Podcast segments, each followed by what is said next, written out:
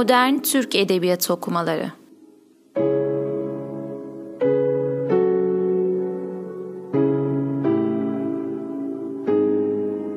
Tarih, Kuram, Metin ve Antoloji.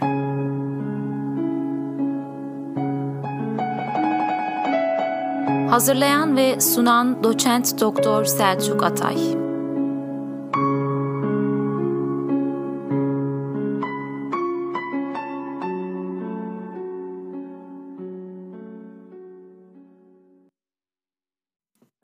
Modern Türk Edebiyatı okumalarında bir eseri, bir edebi eseri okurken o eseri anlamak, anlamlandırmak yolunda bize yardımcı olacak kitapları tanıtmakla devam ediyoruz.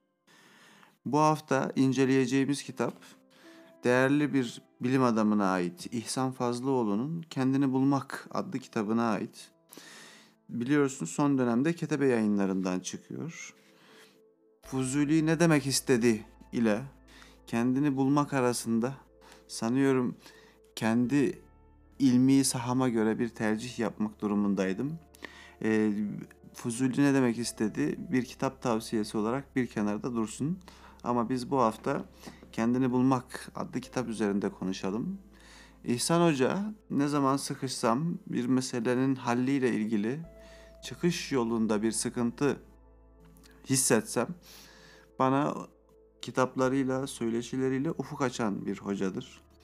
Elbette o meselenin halli şudur diye bir cevap vermez ama meseleye bakış açısının ne şekilde olması, çözümün nereye doğru olmasına ilişkin her zaman bir ipucu bulurum. Burada tabii şunu hatırlamak da gerekir. Bir kavram için, bir sözcük için evi yakarım diyen bir hoca, evimi yakarım diyen bir hocanın kitabını anlatmak epey zor olacak ama dilimiz döndüğünce bunu sizlere aktarmaya çalışalım. Çektiğimiz podcastlerin bir dinleyici kitlesine ulaşıp ulaşmayacağına dair küçük bir endişe geçirdiğim dönemde şöyle diyordu. Kişinin söyleyecek bir şarkısı varsa dinleyici aramaz. Bilir ki söz menzile girerse çölde dahi bir dinleyeni çıkacaktır. Hiçbir kulağı varsaymadan kişinin kendi şarkısını terennüm edebilmesi yaşama cesaretinin zirve bir ifadesidir. Niçin?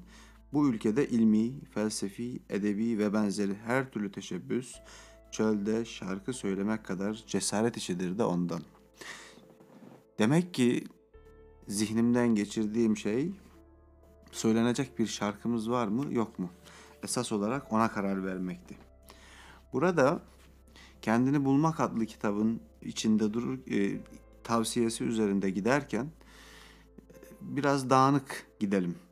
Zira esas meselemiz hocanın çalıştığı yer değil. Her okuyan kendi sahasına göre farklı yerler alacaktır ama biz temelde bir edebiyatçı olarak edebi esere nasıl bakacağız? Bunu nasıl anlamlandıracağız? Eser nerede, yazarı nerede ve en son olarak okuyucu olarak biz neredeyiz? Bunu anlamlandırabilmemiz lazım. Bu zaviyeden kitabı değerlendireceğimizi unutmayalım. Söyleşilerinde de sık sık bahsettiği şey İhsan Hoca'nın kendi gerçeklik küresini keşfetmek ibaresidir. Tıp ilminden örnek verir. Yani bundan 500 yıl öncesine dair bir tıpçının kitabı mesela El Kanun Fit Tıp örneğini veriyor sanırsam. El, e, ile bugünün hastasına müdahale edemezsiniz. Ederseniz hastayı öldürürsünüz kendi 500 yıl öncesinin kendisine dair bir gerçekliği vardır. Bir gerçeklik küresi vardır.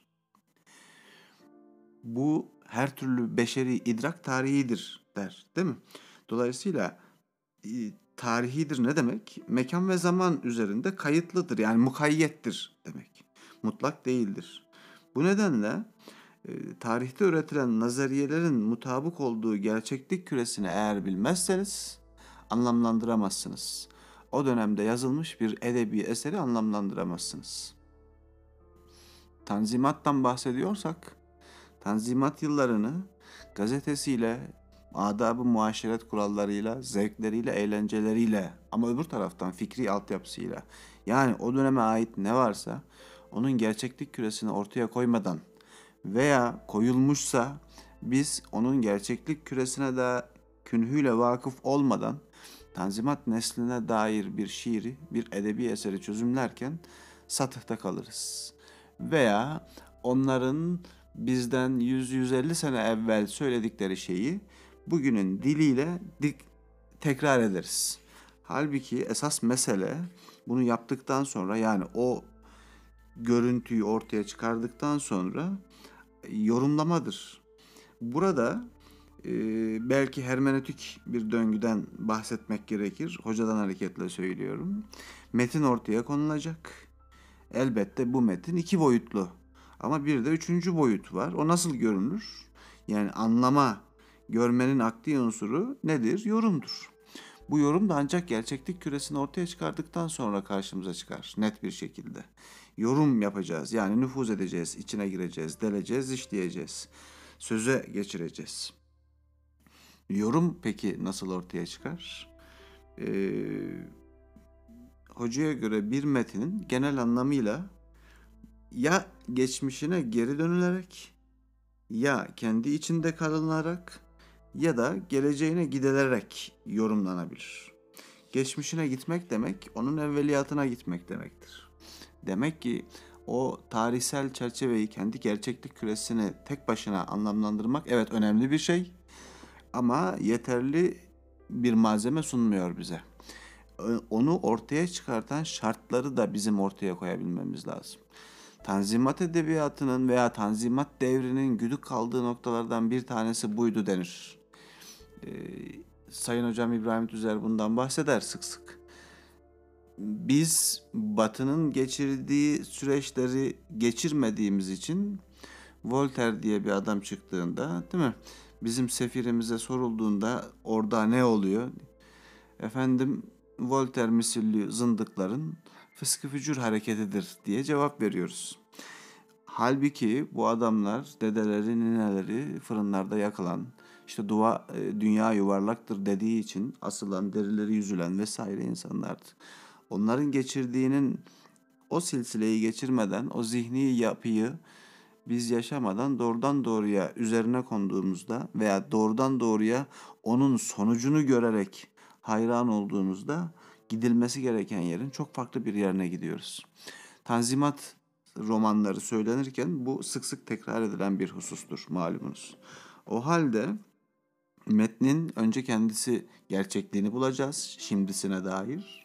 Daha sonra geçmişine gideceğiz.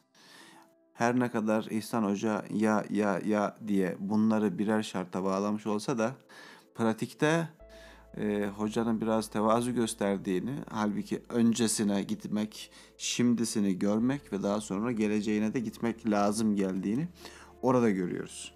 Bu öncesi, şimdisi ve geleceği aslında e, hem Taftazani'nin hem de Hoca Zade'nin değil mi Hazreti Ali'ye nispetle söyledikleri yerde karşımıza çıkar. E, üçlü bir tasnif vardı. İnsan kendini bulmak ya esas meselemiz. Üç yerin bilgisinin peşinde koşar. Biz de bunu edebi eserde az evvel söylediğimiz yere uygulayabiliriz. Birisi e, neredenin bilgisi, ilmi min ayne. E, neredenin. İkincisi nerede bilgisi, ilmi fi ayne. Üçüncüsü de nereyenin bilgisi, ilmi ila ayne. İsmin e hali, D hali, den hali diye basit bir şekilde öğrettiğimiz husus. Nereden in bilgisi işte bu geçmiş kısmı karşılıyor. Nerede bilgisi o edebi eserin şimdisini karşılıyor. Bir de nereye bilgisi var. O da işin geleceğe bakan kısmını karşılıyor. Bu şekilde bakarsak orada kendilik bilincinin metafizikle olan ilişkisi, bizim şuurumuza ilişkin görüntüsünü çok daha net bir şekilde ortaya koymuş olabiliriz. Ee, bunu kitabın giriş kısmındaki metafizik gibi, akaid gibi, e, asgari metafiziğin çerçevesinin ne olduğuna dair söylemlerinde hoca net bir şekilde ortaya koyuyor. Akıl olmadan insan formuna beşer denir diyor ya. Beşer olarak doğulur. Bunu Heidegger'den varlık yoktan, var olmadan, dünyaya fırlatılmadan vesaireden izah edenleri çok duymuşsunuzdur ama bir de e, bizim kendi kadim kültürümüzden ve düşünce sistemimizden yakalanan şekliyle İhsan Hoca'dan da dinlemek lazım. Akıl olmadan insan formuna beşer denir. Beşer doğulur ama süreç onu insanlaştırır. Mükellefiyet ve mesuliyet. Yeniden mesul insan diyordu bakın bir söyleşisinde. Bu insanın mesul olması meselesi de akliyle alakalıdır. Emir ve nehi öbür tarafta haram ve helal, öbür tarafta da irade ve ihtiyar. Değil mi? Yani akıl, akıl bali olmayan bir insan sorumlu tutuluyor mu? Tutulmuyor. Demek ki bizim için önce idrak-ı tahayyünü şahsi hocanın ifadesiyle söylemek gerekirse. Orada mesul olacağız. Esas olan da zaten bu mesuliyet. İradeyi ortaya koyabileceğimiz yer tam olarak. Bunu yapabildiğimiz zaman bizim için önemli. Bu akıl meselesi e, konumuzun dışına çok fazla çıkmadan söylemek gerekirse İhsan Hoca'nın dini kavrama meselelerinden de bir tanesi. Yani din sadece vicdanla kavranılacak ve vicdanen devam ettirilecek bir husus değil. Onun akli kısımlarını da çok net bir şekilde ortaya koymak lazım. Vicdanı reddettiği manasına söylemiyoruz tabii ki bunu. Ama aklın da gözden ırak tutulamayacak kadar önemli bir şey olduğunu da ortaya koyması açısından önemli olarak ben e, görmüştüm. Burada e, bir diğer husus e, estetiğe bakışı hocanın. Estetiğin ontolojik ifadesi ferdiyettir diyor. Burada tabii ki e, kitabın çok habersiz olanlara dair bir kapalılığını, benim anlatımlarımda bile bir kapalılığın olduğunun farkına varmamız lazım. Evvela mefhumları birlemek lazım. Yani lafızdan kelimeye ve oradan mefhuma kadar gidecek asgari düşünce mefhumlarla olur diyordu hoca ya. Eğer mefhumlarınız yoksa sadece bağırırsınız. Yani düşüncenizin içerisi sadece kelime ise eğer kelime yaralamak demektir. Ee, bu yaranın zihninizde oluşturduğuyla karşı tarafın yarasının zihninde oluşturduğu ancak sesli bir şekilde monolog yapmamıza gerekir, e, sebep olur veyahut da gürültü yapmamıza sebep olur. O yüzden mefhumlar üzerinde bir durmak, mefhumları da birleştirmek gerektiğini söyleyelim. Tabii ki bu podcast'ın sınırlar içerisinde bu istidlali aklın, istişhadi eylemin nereye götürdüğünü size anlatmam zor olacak. Onu kitaba havale ediyoruz ama kapalılık eğer bu anlatım size kapalı geliyorsa burada mefhumların bir olmadığının ortaya konulması gerekir. Biz mefhumlar demişken burada tekrardan başa geri geliriz. Yani yorumlama meselesine geri geliriz. Ee, bütüne mi bakacağız, zatına mı bakacağız, evveliyatına mı bakacağız, akıbetine mi bakacağız? Haşim'den örnek veriyor biliyorsunuz. Yani bir bülbülü öldürüp yemek ne kadar mantıklı diye soruyordu ee, Haşim. Halbuki sesidir değil mi? Esas olan bir avuç eti değildir. Şimdi şiir üzerine yorum yapmaya başladığınızda da aslında biz ona bir takım anlamlar yüklemeye başlıyoruz. Her yüklediğimiz anlam onu artık bütününden koparıyor ve artık ondan haz alamaz hale geliyoruz. Yani bülbüle onun sesi için bakmayı unutuyoruz.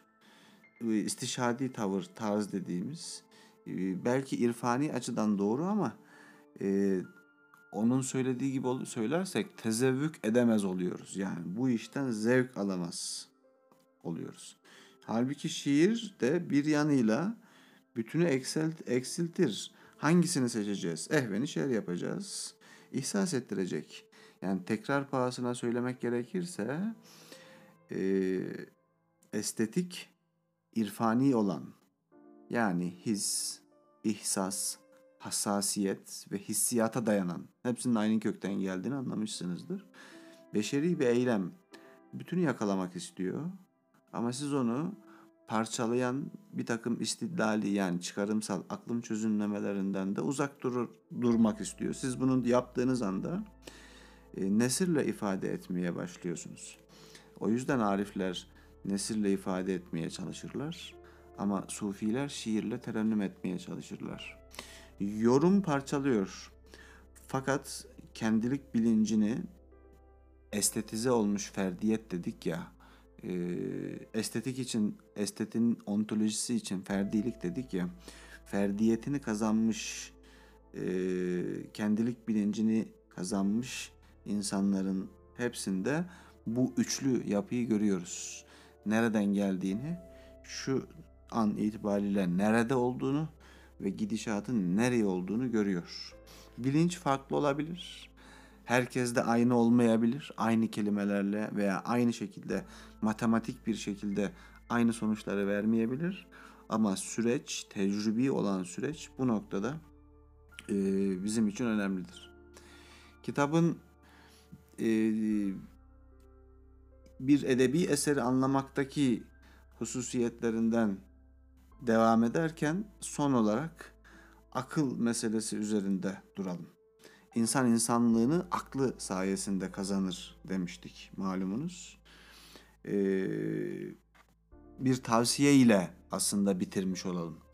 İhsan Hoca akıl olduğu zaman insan kullukla yükümlüdür der. Bu yükümlülük, kullukta yükümlülük üç türlüdür. Taabbüt, tefekkür ve tezekkür. Birisi ameli kısma bakar, ikincisi düşünce kısmına bakar, e, tefekkür. Tezekkür ise irfanı biliyorsunuz meydana getirir. O yüzden e, bu üçünde yani akılda, ilimde ve ibadette tatili caiz görmediğini söylüyor ulemanın ve urefanın. Çünkü akılda tatil sizi insanlığınızdan çıkarır. İlimde tatil hayattan koparır. E, ibadette tatil ise kulluktan eder. O zaman akılda tatil yaparsanız saadetinizi kaybedersiniz. İlimde tatil yaparsanız siadetinizi kaybedersiniz. İbadette tatil yaparsanız selameti kaybedersiniz diyerek e, İhsan Fazlıoğlu'nun Kendini Bulmak adlı kitabındaki hususları sizlerle paylaşmış olalım. Haftaya yeni bir başka bir kitapta görüşmek üzere.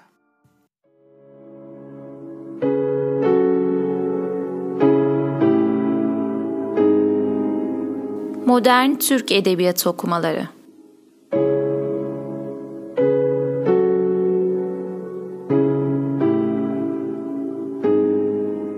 Tarih, Kuram, Metin ve Antoloji.